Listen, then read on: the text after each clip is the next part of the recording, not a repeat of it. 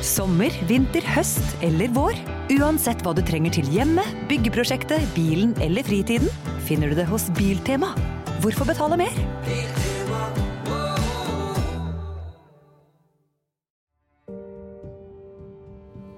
Sjekkeappen Tinder har nå vært i bruk i over ti år.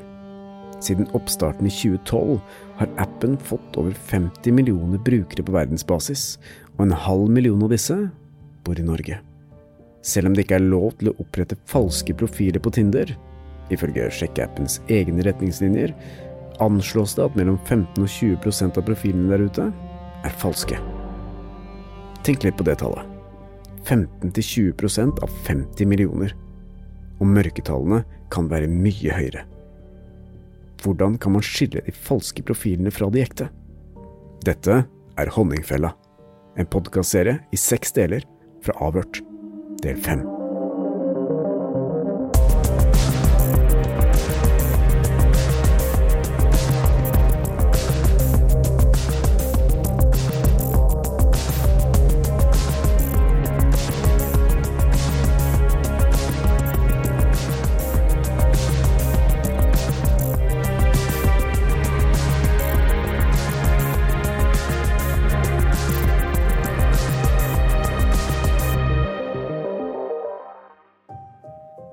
Tidligere så har vi fortalt at etter at vi begynte å grave i den saken her, så forsvant all kommunikasjonen som Jon hadde hatt denne falske Arina-profilen fra eh, WhatsApp-applikasjonen. Og vi har jo selvfølgelig tatt vare på loggen fra denne kommunikasjonen, så vi kan fortsatt lese alt som har blitt skrevet. Men det vi syns er interessant, er jo at med en gang vi begynner å grave i denne saken, så kan det se ut som om vedkommende som eh, skriver med Jon, forsøker å skjule sine spor. Og nå har det skjedd ytterligere endringer på denne WhatsApp-kontoen, Helge. Profilbildet til Arina var erstatta med en annen dame. Det er også bilde av en helt annen dame. Hun ligner litt på Arina, men vi har studert bildene av Arina såpass eh, nøye nå, eller Ena som hun da egentlig heter, eh, at vi ser med en gang at det ikke er samme dame. Og dette skjer da rett etter at vi har eh, Ja, det, det, kommer jo i drag suge at vi har kontakta disse jentene. Um, vi har vært inne på LinkedIn til denne Kaspar Teras. Og så og, og generelt liksom sendt ut litt følgere, da. Og du har jo da snakka med Jon selv, som kan eh, bekrefte at det ikke er han som har vært inne og gjort noen endringer. Han har heller ikke hatt noe kontakt med denne personen som utgir seg for å være Arina. Nei, det har han ikke. Og du fortalte jo, Stein Morten, at like etter at du hadde vært inne på denne Kaspar Teras eh, sin profil på LinkedIn, så gikk han inn og, eller vedkommende som styrer den kontoen, inn og sjekka din. Ja, det er jo helt riktig, og jeg uh, tenker kanskje at vi trenger å snakke litt om uh, sikkerheten i dette. Fordi nå graver vi veldig mye, finner ut veldig mye, er inne på en del forskjellige profiler og har sendt meldinger osv. Det tegner seg et bilde her nå av at dette er organisert kriminalitet. Og de tjener millioner på denne svindlingen. Selvfølgelig, det er jo i teorien mulig at dette er én fyr som sitter og, på gutterommet og styrer alle disse kontoene og genererer alle disse stemmene på et eller annet vis eh, via et dataprogram og, og tar alle disse bitcoinene for seg selv. Men sjansen for det er vel kanskje enda mindre enn at det faktisk er en organisasjon. Jeg har ikke følelsen av at dette er en sånn gutteroms uh, setup, når vi ser summene på, på disse landingskontoene. Så det, der vi har spora over uh, en kvart milliard. Da tror jeg han på gutterommet kanskje hadde sagt seg fornøyd. Ja, da er det kanskje mer nærliggende å tro at dette faktisk er organisert kriminalitet. Mafia, rett og slett. Ja, dette her begrepet mafia og organisert kriminalitet, det går jo litt sånn i hverandre. Mafia har liksom stort sett vært brukt om grupperinger som har hatt et ganske sterkt grep på offentlige myndigheter i et land. Eksempel i Italia så har mafiaen styrt veldig mye av av det offentlige, og, og, egentlig vært en stat i staten. Og Det samme kan du si om russisk mafia, men hvis vi skal trekke det ned og si at det er organisert kriminalitet, så er ikke så, det er ikke så mye som skal til for at den definisjonen uh, gjelder for en kriminell gruppe. Det er f.eks. at det er samarbeid mellom flere enn to personer. Og i dette tilfellet her så har vi jo funnet ganske mange personer, uh, Lars. Selv om vi kan jo ikke med sikkerhet si om det er flere personer, fordi selv om det er flere navn, det kan vi ikke. Men vårt inntrykk er jo at det er flere personer som holder på med dette. Men bare la meg understreke at av disse kriteriene så er det ikke sånn at alle må være til stede. Det holder at det er en tre-fire av dem. Så faller det innenfor 60 A i Norge, som er org.krim-paragrafen. Også kjent som mafiaparagrafen. Eller mafiaparagrafen. Hvis dette er organisert kriminalitet, så er muligheten stor for at det har forbindelser til eh, mafia fra Russland som opererer i Øst-Europa, og det er jo folk man skal være litt uh, forsiktig med. De har ikke tenkt å la seg stoppe av et lite produksjonsselskap eh, borti gamlebyen i Oslo? Nei. Jeg har litt, Det høres kanskje litt sånn ja, hvorfor skal de komme hit til Norge osv., men jeg har litt erfaring med det. Jeg har hatt ja. folk på døra ja. som har vært og spurt etter meg, og uh, det dukka også opp en uh, svær østeuropeer, husker jeg, på treningssenteret hvor jeg trente, og spurte etter meg. Og det skjedde jo samtidig med at uh, jeg i en insider-episode drev og gravde litt i litt sånn shady miljøer i Øst-Europa. Så Men hva var det i forbindelse med? Jeg fant aldri ut uh, hvorfor uh, det skjedde, men, uh, men, sånne ting er jo selvfølgelig litt ubehagelig. Når man ikke vet hva det dreier seg om. Men når de spør hva det gjelder, så er det bare sånn jeg bare kommer tilbake en annen gang. Men det vi må gjøre nå, det er at vi må i hvert fall være litt smartere, sånn at når vi går inn på disse ulike sidene, så kan de ikke peke direkte tilbake til oss. Vi får kanskje opprette noen falske profiler, vi òg. Vi får kanskje endre på litt sånn uh, settinger, sånn private uh, personvern og sånn, sånn at du kanskje ikke ser hvem som er. Du kan gjøre det i LinkedIn f.eks. Du kan uh, opptre som en anonym bruker som er inne. Litt sånne ting. Og helt ærlig, det har jeg gjort for lengst. Jeg har fjerna hjemmeadressen min fra opplysningstjenester, så det finner du ikke. For det er greit å slippe å få sånne ting hjem på døra. Her på kontoret har vi i hvert fall denne rottweileren som uh, tasser rundt her, men uh, vi vet jo ikke hvor disse folkene holder til, men vi har jo spora Ena, eh, hvis bilder de har brukt, til Serbia, og bildene som Kaspar Teras bruker på sin profil, er en kar fra Bosnia. Hva tenker du å hoppe på flyet og, og, oppsøke noen folk der nede? Jeg tror ikke det er så veldig smart, men husk på det at uh, russisk mafia de har jo tatt kontroll over stort sett hele tidligere Øst-Europa. De opererer hele veien nedover i alle disse landene, og de er livsfarlige. Mm.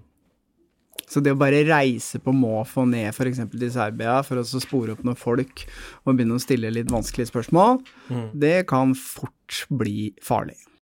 Men jeg, jeg bare syns at vi skal tenke litt igjennom det, fordi eh, nå roter vi borti ting som er, eh, kan være alvorlig, da. Men på samme tid så er det liksom De er jo de løper jo ikke noe risiko heller. De har svindla for mange, mange millioner. Nei, men det spørs jo hvor nære vi kommer. Ja. Hvis det er sånn at ikke vi kommer så veldig at de føler at det er noen trussel, så er det jo greit. Men vi avdekker jo stadig nye ting her. Ja. Og kanskje på et eller annet tidspunkt så er det noen som føler at uh, dette begynner å bli en trussel. Ja. Og da skal man ikke ta lett på det, altså. Nei, for det, det ukloke vi har gjort, er at vi har brukt våre egne LinkedIn-kontoer ja. til å gå og sjekke ut det. Det var kanskje litt korttenkt. At vi da skulle oppretta en, en, annen bruker. Vi burde kanskje ha gjort det, eller vi burde endra på litt sånn uh, privacy settings, sånn at man ikke kunne se hvem som har vært inne der. Ja. Det er litt seint å tenke på det nå, men eh, når vi går videre nå, så bør vi i hvert fall ha det litt i bakhodet og være litt eh, smartere. Jeg tenker jo Jeg lagde jo en sånn LinkedIn-bruker som heter Batong Media, med min e-postadresse, og ikke, ikke, noe mer enn det. Men at det da, hvis de blir såpass nysgjerrige, da, at de kanskje tar det er ikke så vanskelig å søke på Batong Media og se hvor vi holder til den, eller hvilke personer som står bak. Det er jo offentlige opplysninger. Ja. Så da skal vi ikke dra ned og prøve å oppsøke EMA i Serbia? Jeg, jeg syns vi burde vurdere å ta en tur ned, eh, for det første, for å komme oss litt ut. Eh, nå har grensene åpna igjen, og det har vært hyggelig med en tur.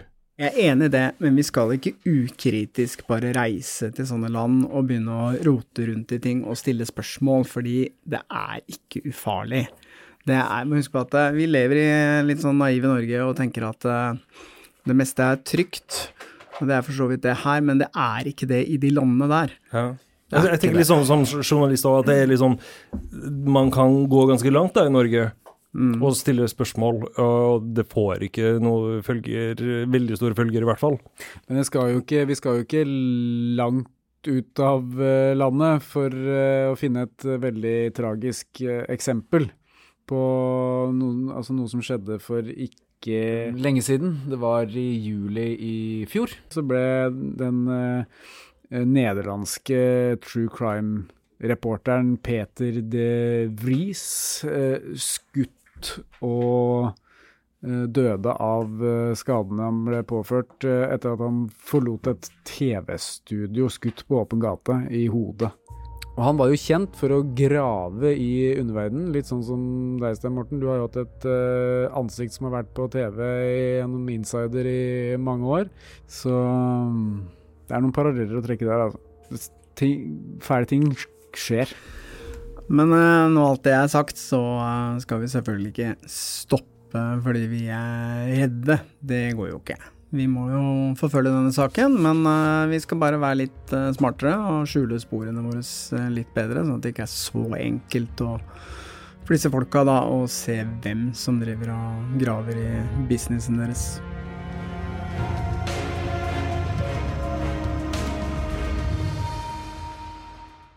Nå lønner det seg å hamstre påskekosen hos Ark. Ark inviterer nemlig til påskefest med skremmende bra nyheter, pocket fra 99 og 40% på alle spill og puslespill. Ark-påske betyr rett og slett mye påske for pengene. Så fyll opp med påskens favoritter i nærmeste Ark-butikk eller på ark.no.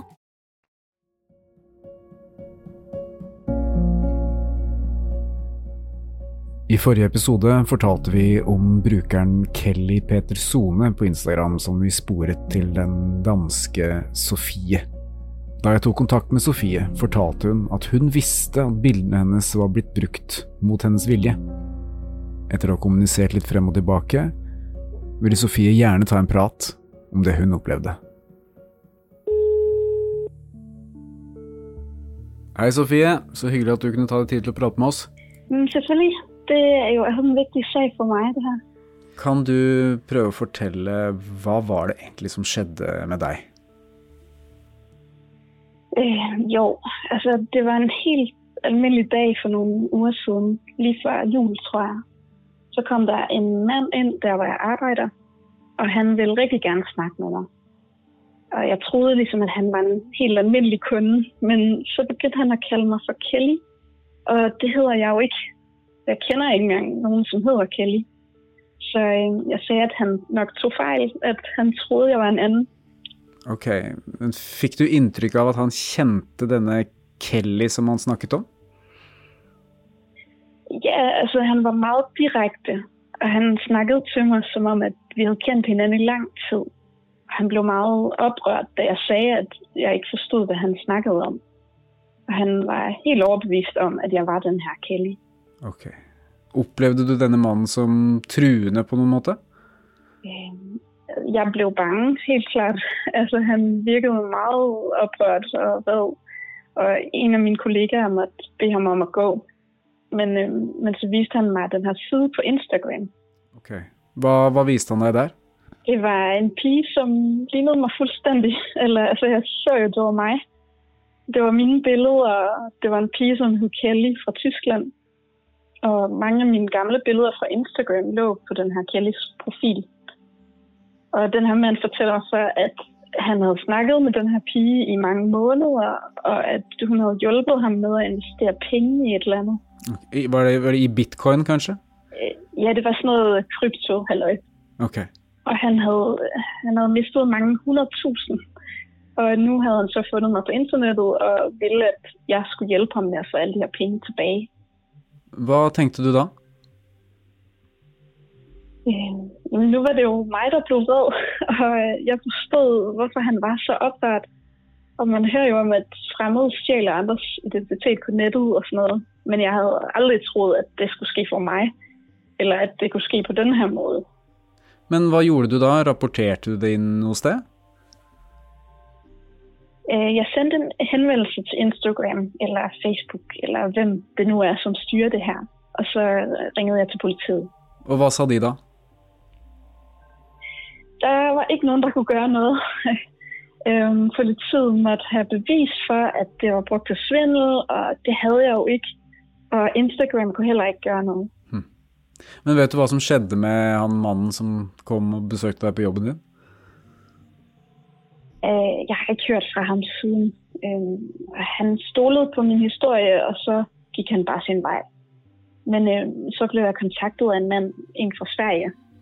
Ok, fortell. Øh, jamen, han sendte mig en e-mail, hvor at han fortalte det samme. Han havde snakket med den her Kelly, og så havde han fundet mig på nettet. Og han ville bare høfligt informere mig om, at mine billeder var stjålet. Veit du om han også var blitt svindla? Nej, det ved jeg faktisk ikke. Så du visste altså ingenting om det her før den første mannen oppsøkte deg på jobb. Nej, det gjorde jeg ikke. Men har du noen gang blitt kontakta av noen som ønsker å betale deg for å bruke dine bilder på internett? Um, jeg har laget sånn promotion, um, sånne ting på min Instagram før. Ok, hva, hva slags promotion da? Nei, det er sånn er reklamer for sminke og reiser. Sånne ting. Men det er ingen som har villet bruke dine bilder på en annen konto? Nei, aldrig. Nei. Kjenner du en jente som kaller seg for, eh, på Instagram for Arina Korseleva? Nei, det, det er jeg ikke bekendt med. Hva med Ena Hva sa du? Ene? Ena k***? Nei. Hva med Kaspar Teras? Uh, nei, altså jeg kjenner en Kasper Thorsen. Ok. Han her sier at han jobber i Saxo Bank. Nei, det er ikke ham. Hvordan, hvordan føles det nå å vite at dine bilder har blitt brukt av kriminelle til å svindle andre for flere hundre tusen? Ja, jamen, det føles helt forfærdeligt. Altså, jeg har ikke ord for det. Jeg er helt klart blevet mer forsiktig med, hva jeg legger ut på sosiale medier, efter jeg fant ut av det her. Og jeg synes, det er helt vildt synd for de her menn som er blevet svindlet. Jeg kan ikke si annet enn at jeg er ikke Kelly, og jeg har aldri vært Kelly. Og jeg har ikke haft noe med det her å gjøre. Jeg er ikke Kelly, jeg har aldri vært Kelly, og jeg har ikke hatt noe med det her å gjøre, sa Sofie der altså.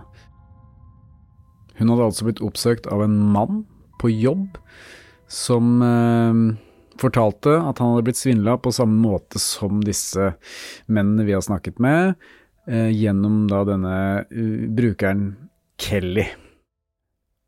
Og Sofie fikk jo aldri vite hva denne første mannen som oppsøkte henne på jobb eh, het. Hun hørte jo aldri fra han igjen, men den andre mannen, den svenske mannen som sendte henne en e-post, eh, han har jeg også vært i kontakt med. Han eh, heter Håkan, men eh, han hadde ikke lyst til å stille opp i podkasten, men han kunne bekrefte Sofie sin historie. Han hadde snakket med denne Kelly eh, først på Tinder, og så gikk det over til WhatsApp, og så ja, den modusen som vi kjenner så godt nå. Yes, også, men han, han eh, skjønte fort at dette her var eh, lureri, da. Så derfor hadde han tatt de bildene fra denne Kelly sin Instagram og gjort litt samme som oss. Han hadde brukt et, eh, et Hemmelig verktøy. Ja, han hadde brukt et åpent verktøy som heter Pimice. Eh, som fungerer litt på samme måte som det vi bruker. Det er litt, eh, litt billigere. Eh, til å søke opp eh, bildene hennes på internett og funnet fram til eh, Sofie. Han fortalte meg at han hadde ikke nødvendigvis noen tro på at dette var en stor kriminell organisasjon. For han så føltes det mer ut som en, en Som han fortalte meg, en litt stakkarslig person som prøvde å være noen den ikke var. Men okay. vi, vi vet jo ut ifra det vi har funnet ut, at dette Alle spor peker jo mot uh, denne organisasjonen. Men det betyr jo at det sannsynligvis finnes en del ofre der ute som tenker på samme måte som han. At uh, dette er ikke noe stort, det er ikke noe organisert, det er et sånn lite forsøk på en svindel. Kanskje noen har gått på, kanskje andre ikke har gjort det. Mm. Men at det er et stort omfang, det er ikke noe tvil om. Absolutt. Men etter å ha hørt historien til Sofie, så tror jeg på det at eh, hun eh, eh, snakker sant, at bildene har blitt stjålet fra henne, og at hun ikke har noe med denne svindelen å gjøre. Og Helge har jo også fått svar fra Ena, og hun, eh, hun ble jo litt sur og sint, rett og slett. Hun eh, truet vel egentlig med å politianmelde oss. Det gjorde hun, men det er jo kanskje ikke en så rar reaksjon når du ut av det blå blir kontakta av eh, noen eh, litt eh, pågående journalister fra Norge, og føler jo sikkert at hun blir mistenkt i en svindelsak, da. Og da kan jeg jo forstå at Ryggmargsrefleksen er rett og slett å bli sinna. Men basert på det vi nå vet og har fått bekreftet fra Sofie i Danmark, så tror jeg vi også kan frikjenne Ena i denne saken. I tillegg har vi jo funnet ut at megleren Kaspar Teras ikke er en ekte person. Nei, den LinkedIn-profilen er jo eh, åpenbart eh, falsk. Det bildet som er der tilhører jo en helt annen fyr, enn bodybuilder. Og eh, det er ingen, vi har jo ringt Saxo Bank, så vi vet jo det at det er ingen som heter Kaspar Teras som jobber i Saxo Bank, så det er jo åpenbart en falsk profil, det òg. Det er veldig mange lag i denne svindelen her som man må skrelle vekk for å komme inn til kjernen. Og eh, som det står nå, så klarer ikke helt jeg å se hvordan, hvor vi skal begynne å skrelle videre. Altså Hvis vi hadde hatt muligheten til å, og verktøyene til å eh, finne ut mer om hvor disse bitcoinene har tatt veien, og hvem det er som tar de ut, så kunne vi sikkert klart å finne ut hvem som står bak, men eh, det har vi jo rett og slett ikke kapasitet til. Nei, men eh, nå som eh, alt håp ser ut til å være ute, at ikke vi kommer noe videre, så kan jeg glede dere med, gutter, at jeg har en plan for hvordan vi skal klare å svindle disse svindlerne.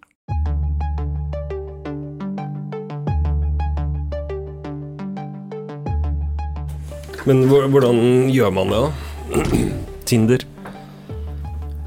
Man må jo swipe, og da kan man kanskje se noen av de der som åpenbart er sånne fake kontoer. Ja, vi kan sette opp denne. Litt verre for dere, kanskje. Ja, Men, det beste, det beste Kan bli noen spørsmål. Okay, Vi må bare sveipe, og så må vi prøve å bruke vår eh, innsikt i, i noe som vi har sett ganske mange. Hvor enkelt er det egentlig å få svindlerne på kroken? Hvis tallene vi nevnte i starten av programmet stemmer, at Tinder har 50 millioner brukere på verdensbasis, og nærmere 20% av disse er falske, vil det si at det er rundt 10 millioner falske profiler der ute. Vi har snakket med mange norske menn som har blitt lurt av disse falske profilene, og det er sannsynligvis enda flere der ute som er i kontakt med de samme svindlerne akkurat nå, uten å ane at de holder på å bli lurt. men da blir det under ditt eget navn. Ja, ja. Fy faen, du kommer til å bli nedringt. Det tviler jeg på. Av damer, damer i 60-åra. Nei. Skal vi se. Du, du, får, du, skal, du kommer til å måtte dra på veldig mange dater, for du må jo utelukke. Utelukke at de har noe med denne svindelen å gjøre. Ja ja, jeg tar en for laget, jeg. Tinder er en tjeneste som lar deg bla gjennom bilder av potensielle datingpartnere, hvor du sveiper til høyre eller venstre, avhengig av om du ser en person du liker eller ikke. Hvis personen også har vist interesse for deg, blir dere matchet, og dere kan ta kontakt. Hvor mange ganger må man sveipe før man treffer på en som Arina? Vår plan er å sette opp vår egen Tinder-profil og teste ut dette i praksis. Det er jo ikke å gå, gå langt, det. Vi oppretter da en Tinder-profil i ditt ekte navn, Stein Morten. Det blir litt sånn vanskelig hvis vi skal begynne å opprette fake IDs og Ja. sånn. Og er, eh, du er jo singel Jeg er jo eh, singel, så jeg slipper i hvert fall å få et helvete hjemme for å Ja, det er akkurat det. Vi kan ikke drive med Mm. sånt, vi, Det- Helge. Da, Det, det blir bråk. Eh, Fordelen med å bruke det, Stein Morten, er at vi har massevis av bilder som vi kan eh, sende disse folka. Vi har bilder av at du er ute og flyr på første klasse med Qatar Airlines Lines. Og bare overkroppbilder og alt som skal til. og vi kan produsere opp nye bilder. Okay, Og vi kan produsere opp nye bilder. Aldri, aldri sett Tinder-appen før. Så langt har jeg aldri kommet til dette. Så dette Tast her inn, er eh, interessant. Nummer, du har tastet inn ditt telefonnummer, og så har du fått tilsendt en kode. Hva er e-postadressen? Drus inn den. Ok. Face ID. Min legning er hetero, homofil, lesbisk, biseksuell, aseksuell, demiseksuell, Panseksuell. skeiv. Ok, nå, nå står det noe å jobbe her. Har du noen tanker nå, Stein Morten? Du er i ferd med å begi deg inn på det mest aggressive datingmarkedet i verden. Det er klart at eh, det som blir en enorm nedtur nå, det er hvis du, dere etter en uke spør og har fått noen match, og så er det ingen som har Er noen som har sveipa? Da jeg kan garantere du får treff. 100 Gunn liker deg. Nylig aktiv match nå. Hun er vi ikke interessert i. Begynn å sveipe. Hvilken vei sveiper du? Ledig i kveld, det er sånn one night stand-opplegg. Med på noe spontant. Finn matcher basert på dine valg. Men vi, nå, vi må finne et sted, for at det, disse damene på 50 år de ser veldig hyggelige ut, og det har ingenting med alder å gjøre. Men de vi er ute etter, er, ligge i, 25-området. 25-området. Monica 55 Nei. Bort med den.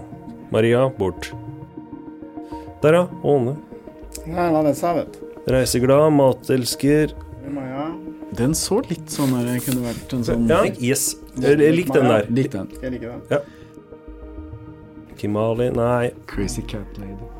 Stopp. Stine, nei. Hun der, nå der snakker vi sånn- Lilly på 21 år. Har et bilde som er tatt nede i et eller annet Se på Granka, kanskje. Vi er ute etter bilder som ikke ser ut som de er tatt i Norge òg. Hva med hun der? Dette minner meg veldig om bildet til eh, Ena. Ja, det er liksom litt sånn uh, influenseraktig. Reising. Palmer i bakgrunnen der. Kanskje dette òg er tatt i Egypt. Hun har en Instagram som er privat, men det er bare 13 innlegg. Det er bra. Dette skal likes. Den liker jeg.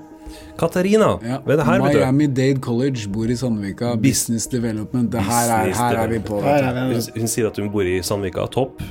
Arina fortalte jo også at hun hadde en eh, bestemor i Norge, selv om hun selv sa hun var fra Sveits. De vi nå har likt. Hvor- Hvordan fungerer det da? Da, da må de like det òg, da. Ja, jeg tror de må, skjønne, det må matche. Men eh, vi, burde Så gjøre det er sånn klart hvis en av disse jentene, ungjentene matcher meg, så skjønner vi at det er et eller annet. ja. Det er ingen grunn til at en på mellom 20 og 30 år skal tenke Ola da, liksom. Det er bare tull. Da er det fordi de er ute etter et eller annet. Nå tenker jeg egentlig at vi bare kan vente og se hva som skjer, og så får du bare sveipe i vei på egen hånd, eh, Stein Morten. Ok. Velkommen til Kjemperådet! Vi har fått inn et kjempekleint problem fra Trine Lure 22. Ok. Jeg leser. De to andre i kollektivet mitt har begynt å date, og jeg syns det er veldig kleint når vi skal se på TV sammen, og de bare skal kline. Ok, ja, Hvordan skal hun løse dette? Siden Trine Lure er under 30, får hun jo ubegrenset data fra Telenor fra 399 kroner. Da Da kan hun sette seg på sitt eget rom, streame så mye hun vil på mobilen. Ja, hun kan jo se på nye mobilabonnement på telenor.no. Ja, det er lurt.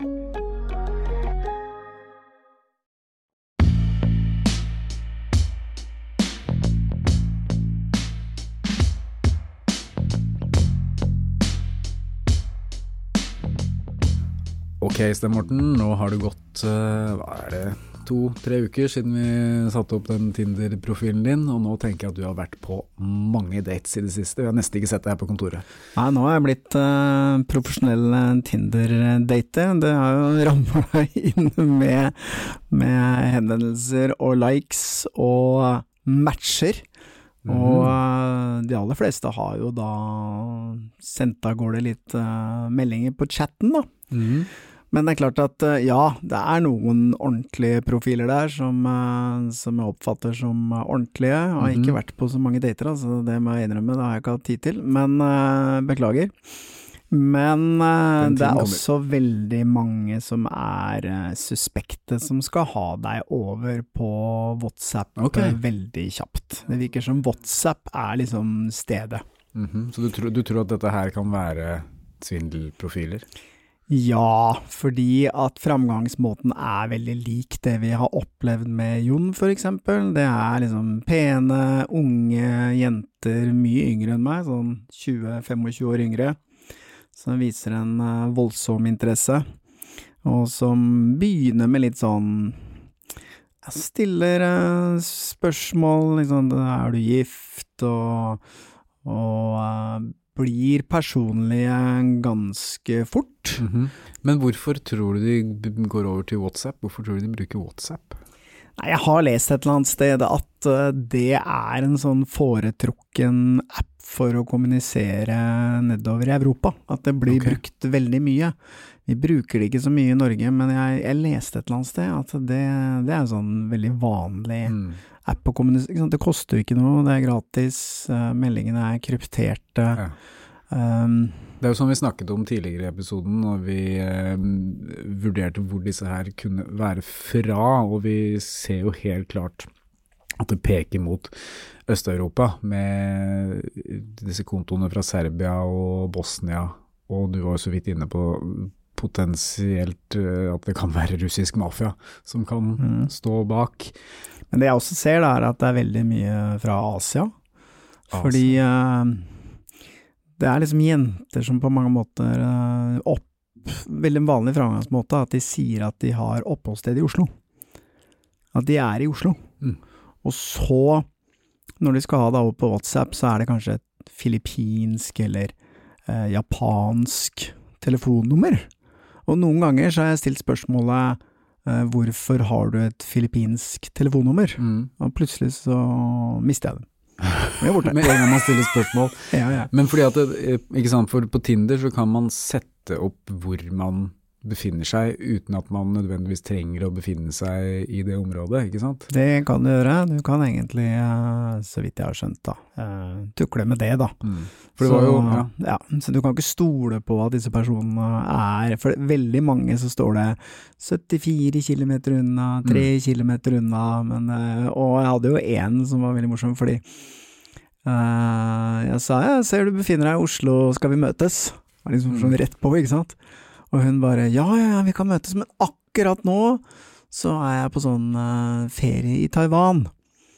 Men uh, jeg er tilbake i Oslo i, uh, i slutten av måneden. Men det står likevel at hun var i Oslo. Jeg befinner seg i Oslo. Mm. Og så, skjønner du, så kjørte jeg bil, sånn at det var ikke så enkelt for meg å svare. Og da ringte hun meg! Oi! Men da tenkte jeg det her gidder jeg ikke. det passer litt dårlig. Og så eh, skrev jeg en melding tilbake, og så skrev jeg bare Jeg er ikke så glad i den der chattinga, eh, kan vi ikke bare møtes når du er tilbake Mm. i Oslo? Og da ble det helt stille. For det var jo dette her eh, som skjedde med Jon. Han eh, begynte jo å snakke med Arina fordi at han så at hun var i nærheten. Hun sa jo, og det sto jo på profilen hennes at hun var i Oslo, men da var jo unnskyldningen at hun var på besøk hos sin bestemor i, i Oslo, men at hun egentlig bodde i eh, Sveits. Ja, ikke sant. Men det var altså én som skilte seg ut. Alice Carver. Alice Carver. Hun høres amerikansk ut, eh, kanskje? Ja, hun øh, Hun er litt sånn rart navn i forhold til at hun befant seg vel nede i Genéve, tror jeg, Ok. hvis jeg husker helt feil. Eh, hun sa at hun var opprinnelig estisk Mhm. Fra Estland, men hele profilen hennes den lyste av penger og jetset-liv, for å si det sånn. Det var eh, veldig, veldig kjent ut.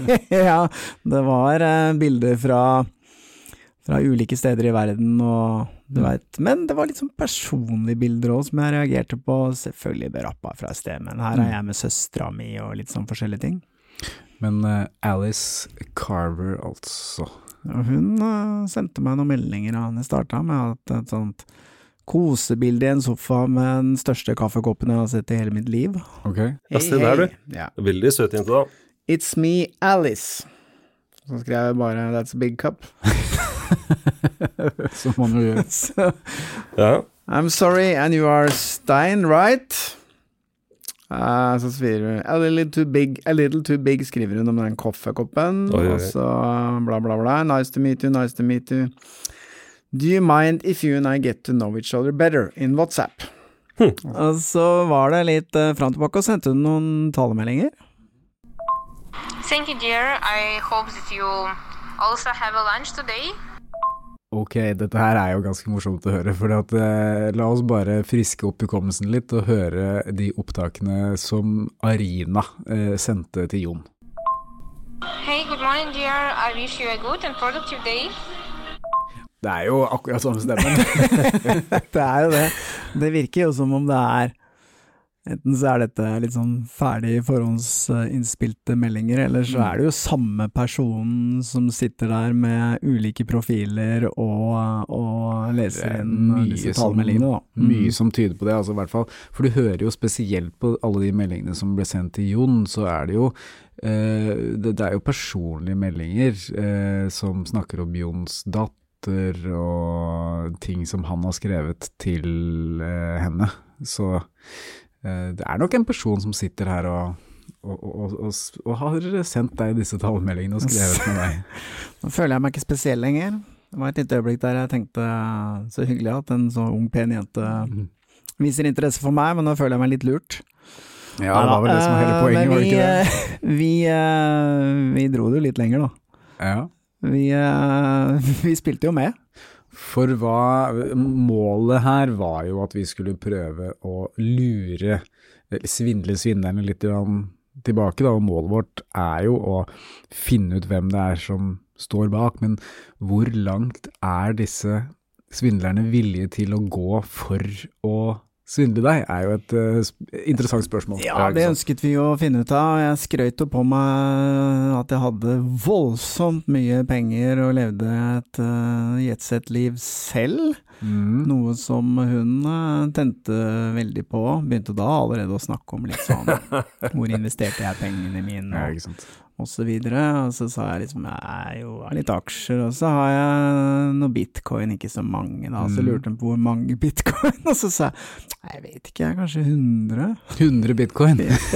og da, da, hvor mye snakker vi om da? Det Vi er, snakker om relativt mye penger, for det er vel sånn 65 000 dollar per bitcoin eller noe sånt. Jeg vet ikke hva den står i akkurat nå, men uh, vi snakker jo om mye penger. En, eh, ikke sant? En bitcoin er i dag eh, til rundt eh, i underkant av 400 000 eh, norske kroner, så Ja, så rundt sånn 40 millioner da, i bitcoin. Ikke så halvgærent det.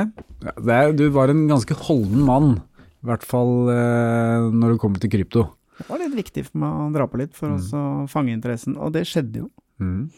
Fordi eh, hun var jo veldig på. Mm. Og så som sagt så tenkte vi Framstår jeg nå som såpass rik at vi kanskje kan lykkes med å treffe noen fysisk? Ja. For det kunne hende at de liksom eh, Hvis jeg insisterte på det, da. Mm. At de hosta opp en eller annen eh, dame som, eh, som kunne treffe meg for å lure meg for enda mer eh, penger.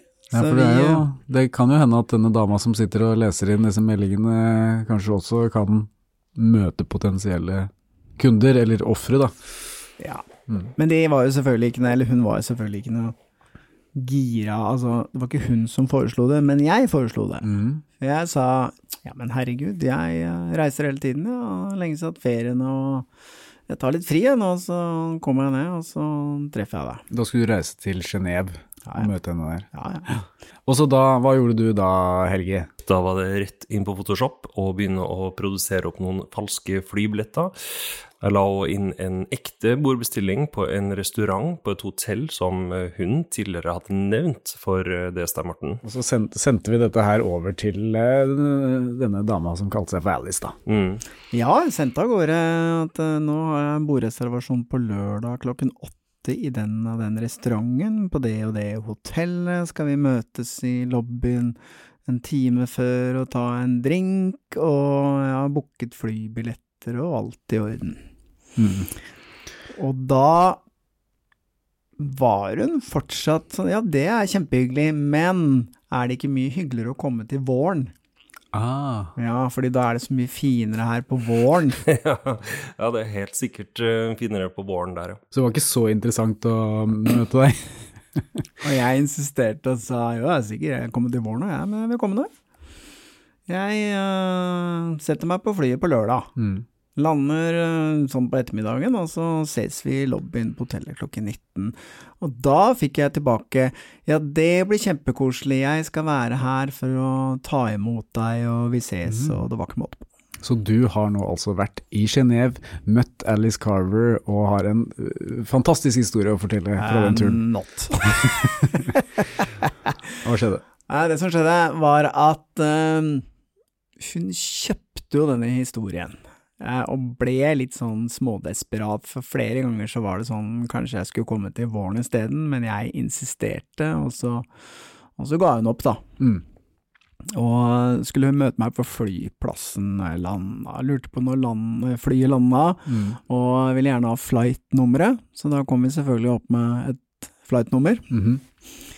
Og, og så nærmet det seg helgen, fredagen kom, og, og lørdagen kom.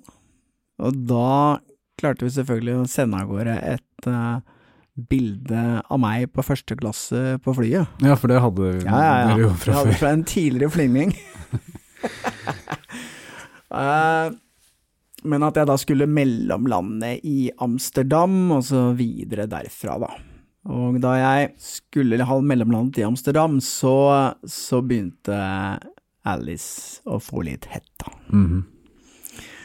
Da begynte hun å Jeg vet ikke om hun begynte å tvile, men hun, hun var veldig sånn eh, Kan du sende bilde av flybilletten og sånn? Mm. Kan du sende bilde av ditt og datt? Mm. Kan du sende bilde av deg selv på Skippol? Veldig spesifikke bilder, Mm. som type send bilde av deg selv med dagens avis. eh, Ja, litt sånn hånda over hodet foran gaten Såpass. akkurat nå. Vi klarte jo å sette sammen noen bilder fra Skippol. Du brukte dine Photoshop-ferdigheter, Helge. Ja, og jeg mener selv òg at de var ganske overbevisende. Og så absolutt. Jeg tok et eh, bilde av en eller annen kar som sto utenfor Skiphol flyplass, og satte ansiktet til Stein Morten på hans kropp istedenfor. Men det var vel da hun begynte å tvile litt. Jeg tror hun hadde ikke helt gjennomskua at jeg ikke var på vei. For plutselig så fikk jeg en melding hvor det sto at hun plutselig måtte reise til Los Angeles til en venninne som måtte ha barn. Som måtte ha barn. Mm. Som måtte ha barn. Hvordan ordla hun seg da? I must travel to my uh, friend in Los Angeles. Uh, she, she must have a baby. She must have a baby. Men nei, han ga meg ikke jeg, vet du. For da sa jeg men det går fint, for jeg er jo nå i Amsterdam. Jeg kan jo bare booke om flybilletten min og møte deg i Los Angeles. Og da Da begynte hun å bli veldig skeptisk, altså. Eh, Da forlangte hun flere bilder, og bilder som vi ikke helt klarte å komme opp med så kjapt som hun krevde. Eh, Men da skjønte vi jo for så vidt også at hun ikke ville treffe meg. Når hun kom med en sånn type unnskyldning, da tror jeg hun hadde fått litt hett, da. Så så langt går uh, svindlerne altså ikke. Nei. Og I hvert fall ikke i denne.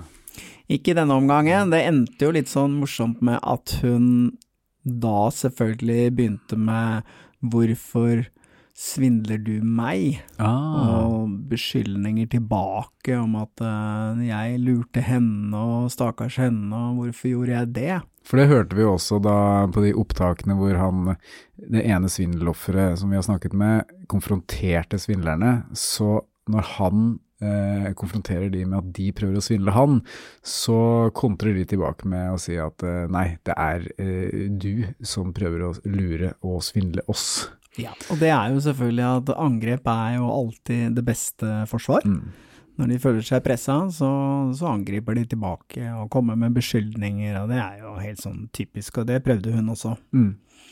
Um, det endte jo med at Vi klarte ikke å produsere et sånt bilde som hun ønsket seg.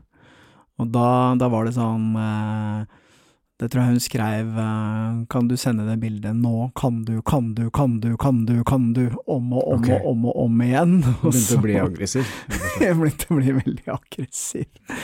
Så um, Ja, men det får være grenser for hva det er mulig å sitte og photoshoppe i real time her, da. Det var et forsøk, men jeg tror vi kan konkludere med at uh, de vil Uansett hvor mye penger du har, uh, så vil de ikke møte deg sånn personlig, eh, face to face. De vil ikke det fordi at eh, de skjønner jo at det er en veldig stor risiko å ta. De gjemmer seg jo selvfølgelig bak falske kontoer og bitcoin-kontoer og falske identiteter.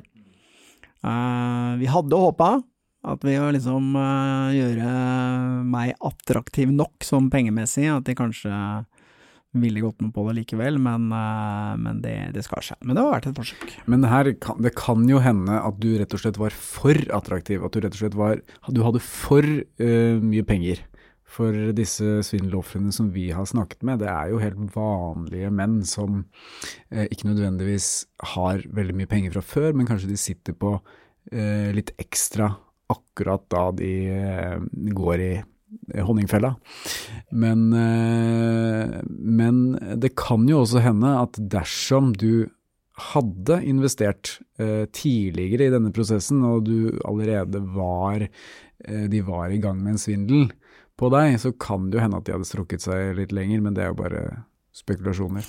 Litt av problemet deres vil jeg tro er jo at eh, sånn som vi har funnet ut av, så stjeler de jo bilder fra ekte personer, og det er litt vanskelig også å hoste opp den personen til å møte meg. Det Jeg ville jo reagert hvis det sto en helt annen jente der, hvis jeg trodde at jeg skulle møte Alice Carver. Mm.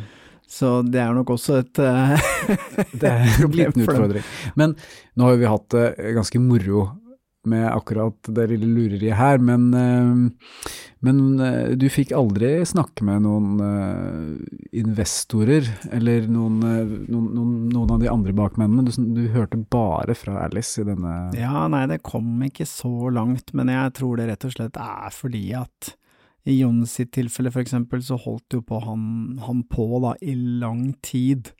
Og, og snakke med henne, og ble jo litt lurt til å tro at dette var liksom sjanse for et reelt forhold. Mm.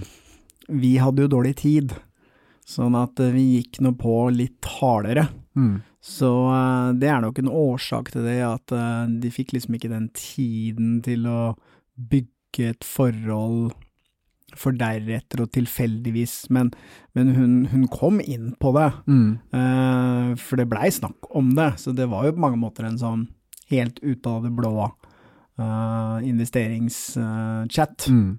Ja, etter det så, så begynte vi å pushe på å møte henne, ikke sant, og det er kanskje derfor vi, vi burde kanskje ha droppa det, vi Mm. burde kanskje bare fortsatt den litt uskyldige dialogen, da. Mm. Men, men det som er interessant her, er jo at det er jo egentlig ingen tvil om at eh, dette her er de samme bakmennene, med tanke på at det er den samme stemmen vi får tilsendt. Det er de samme fremgangsmåtene. Eh, Det er dette nettverket. Det er jo ikke noe Og det var jo ikke kjempevanskelig å komme i kontakt med dem. Nei da, og eh, min tid på Tinder nå, så har det jo rent inn kanskje 15-20 sånne profiler som skal ha deg over på WhatsApp med telefonnummer fra England og litt sånn forskjellige ting. Men nå satsa jo vi på hun Alice Carver, av den enkle grunn at vi kjente igjen det taleopptaket. Mm. Så vi mente at det var mest sannsynlig at hun, eller den profilen da, var en del av det nettverket. Det kan jeg ikke si om de andre. Og det er, ikke, det er jo ikke sikkert dette er den eh, mest effektive fremgangsmetoden for oss heller, for å komme nærmere disse bakmennene. Nei, vi, vi eh, kom ikke helt i mål med det forsøket på å treffe noen personer, men vi har en mulighet, og det er at vi eh, har jo et offer Mm. som fortsatt er i kontakt med svindlerne. De mener fortsatt at de kan lure ham for enda mer penger, de har en dialog. Jeg tenker det er der vi må sette inn støtet nå.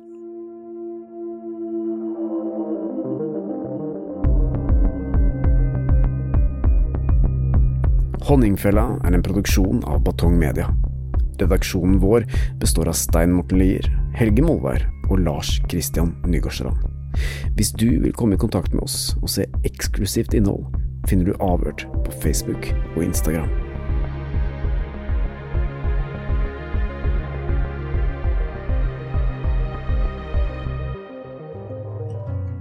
Hvis du setter pris på Avhørt og syns at den jobben vi gjør er viktig, så kan du støtte oss ved å vippse til 8075 99 eller søke opp Batong Media i vips appen Og vi setter stor pris på alle bidrag, store og små.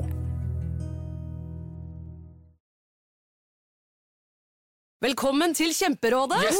Denne gangen har vi fått inn et kjempedilemma fra en familie. Okay. Jeg leser Hei, vi er litt uenige i familien her. Mm. Hvis du skulle vært et dyr, ville du hatt gjeller eller vinger? Oi, den er tricky. Ja, Hva ville dere hatt, da? Altså, jeg vet ikke, men Med familierabatt får de ubegrenset data fra Telenor fra 399 kroner. Da kan de jo scrolle seg til svaret, rett og slett. Ja, ok, Men for min del Ja. gjeller. Nei, nei, Gjeller. Nei. nei, vinger. Nei, nei, gjeller. Ja, okay, ja, Kjempebra. Men eh, se nye mobilabonnement på telenor.no, da.